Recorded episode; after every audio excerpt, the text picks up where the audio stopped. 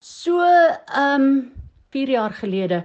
Die hele ding van Brixton se byeenkomste kom al 'n baie baie lank pad. Jy weet ons het van tevore 'n oop dek bus gehad dan het die gemeenskap hulle huise verlig en dan het ons op 'n oop dek bus deur die uh, strate gery om almal se huise te kyk en iemand het dan die kompetisie gewen. Ons het een jaar 'n donkiekar gehad. Um eenmal 'n maand het ons in die park 'n dag vir die kinders gehad. Dan het ons die polisieperde gekry of ons het vir hulle 'n jumping castle gekry of ons het Moedersdag kaartjies saam met die kinders gemaak, whatever ook al. So die byeenkomste wat ons in Briefston doen kom nou al 'n baie lank pad. En toe nou so 'n paar jaar gelede het ehm um, van die mense in Brixton gaan sit en gesê wat is daar wat ons kan doen net om die gemeenskap nog nader aan mekaar te bring en een van die voorstelle wat toe opgekom het was na aanleiding van dat ons van tevore ons huise verlig het was kom ons doen 'n Brixton Light Festival.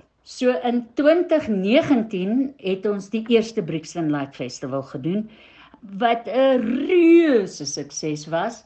Elsabie, dit was veronderstel om 'n jaarlikse gebeurtenis te wees, maar COVID het toe gebeur.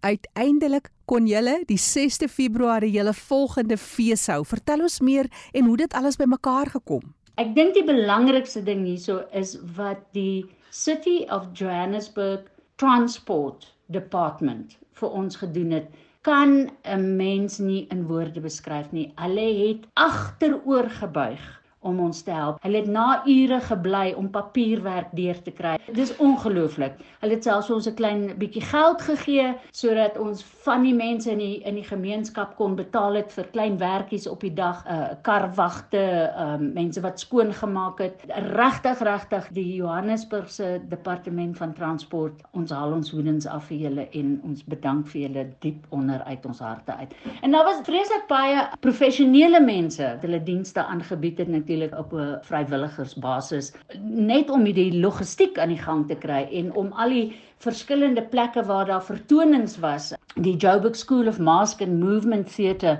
Kyla Davis en haar, haar mense wat oral langs die pad vertonings gedoen het 'n Breezeblock ons ons local koffiewinkel uh, Betty Bangles het het 'n vertoning kom doen in my ou huis om geld in te samel. Uh, Lucy Druipe Klaap het 'n het 'n dansdag in die park aangebied. Bagger and Company het vir ons produkte gegee sodat ons 'n raffle kon gedoen het. Ek spring nou heen en weer, maar dis nou maar vir jou 'n idee te gee van hoe ver hierdie dit uitgekring het om hierdie ding aan die gang te kry. Die Goethe Instituut het byvoorbeeld vir ons geld gegee vir al die kunsinstallasies. Twee van ons alleyways is heeltemal met kuns gedoen. Een van ons uh, argitekte in die omgewing Torsten wat lyntekeninge op die mure gedoen het.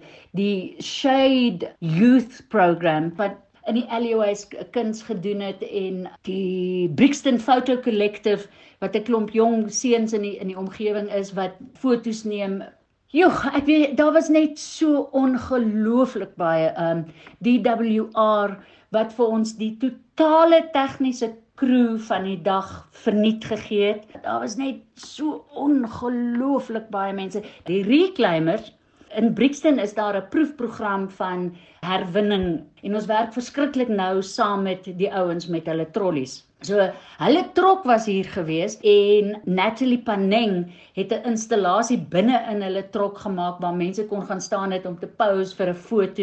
Hulle trollies is gebruik en bo op die trollies het twee van die skole, Mimosa en Bella Vista schools, het soos vlotte bo op die trollies gebou. Ons ward councillor, Bridget Steer. Ek dink Bridget Steer is die beste kanselier in Suid-Afrika wat sy alles gedoen het om ons te help om hierdie ding af te trek is net ja. En dan pick it up. Pick it up, kan jy dit glo? Neil Moster wat hierdie verskriklike pragtige 'n krummetartboom wat hy uit herwinne plastiese bekertjies gemaak het. Ag, gaan kyk op ons Instagram, gaan kyk op Brixton Beautiful. Kyk na die foto's van die dag. En dan die Brixton Kerk wat 'n so 'n groot rol speel in alles wat in Brixton gebeur. Bo op die kerk was daar 'n installasie gewees van Gordon Fraud wat hy sy traffic cone stars en die hele kerk wat belig was en voor op die trappe by die kerk wat daar musiek gemaak is. Daar was net so ongelooflik baie. Die Bizo Boys wat die um optog gelei het, uh, Pantsula dansers, die Field Band Foundation wat kunstenaars en en tegniese personeel en alles ingesluit het. Ja, daar's net so ongelooflik baie mense wat bygedra het hiertoe.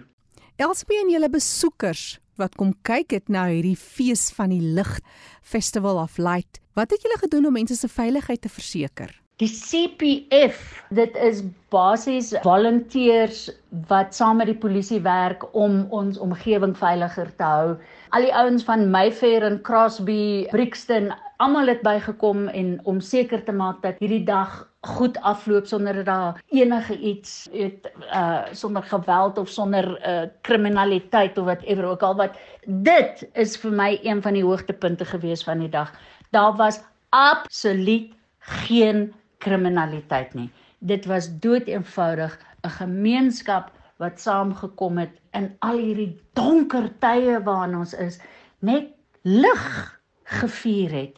En ek dink ek praat vir almal van ons dat ons almal die volgende dag 'n klein bietjie ligter gevoel het if you will excuse the pun. Elsabie, dit is absoluut fantasties wat jy vir ons vertel. Daar is ook 'n persepsie dat Brixton soos baie ander woonbuurte eintlik so bietjie agteruit gegaan het en dat 'n mens nie weet of jy veilig kan wees daar nie. Dis die realiteit vir baie mense of moet ek sê in ons koppe. Die Brixton Community Forum het 'n 'n onderafdeling wat ons noem Brixton Marketing. En Hier is ook waar die hele ligfees by ingekom het. Mense het so 'n wanindruk van Brixton. Almal dink dit is hierdie gevaarlike, vuil woonbuurt, maar dit is absoluut die teenoorgestelde. Ek is redelik seker dat ons van die laagste kriminaliteit in Johannesburg het in Brixton. En dit wat ons het is alles maar wat die Engelse woord petty crime.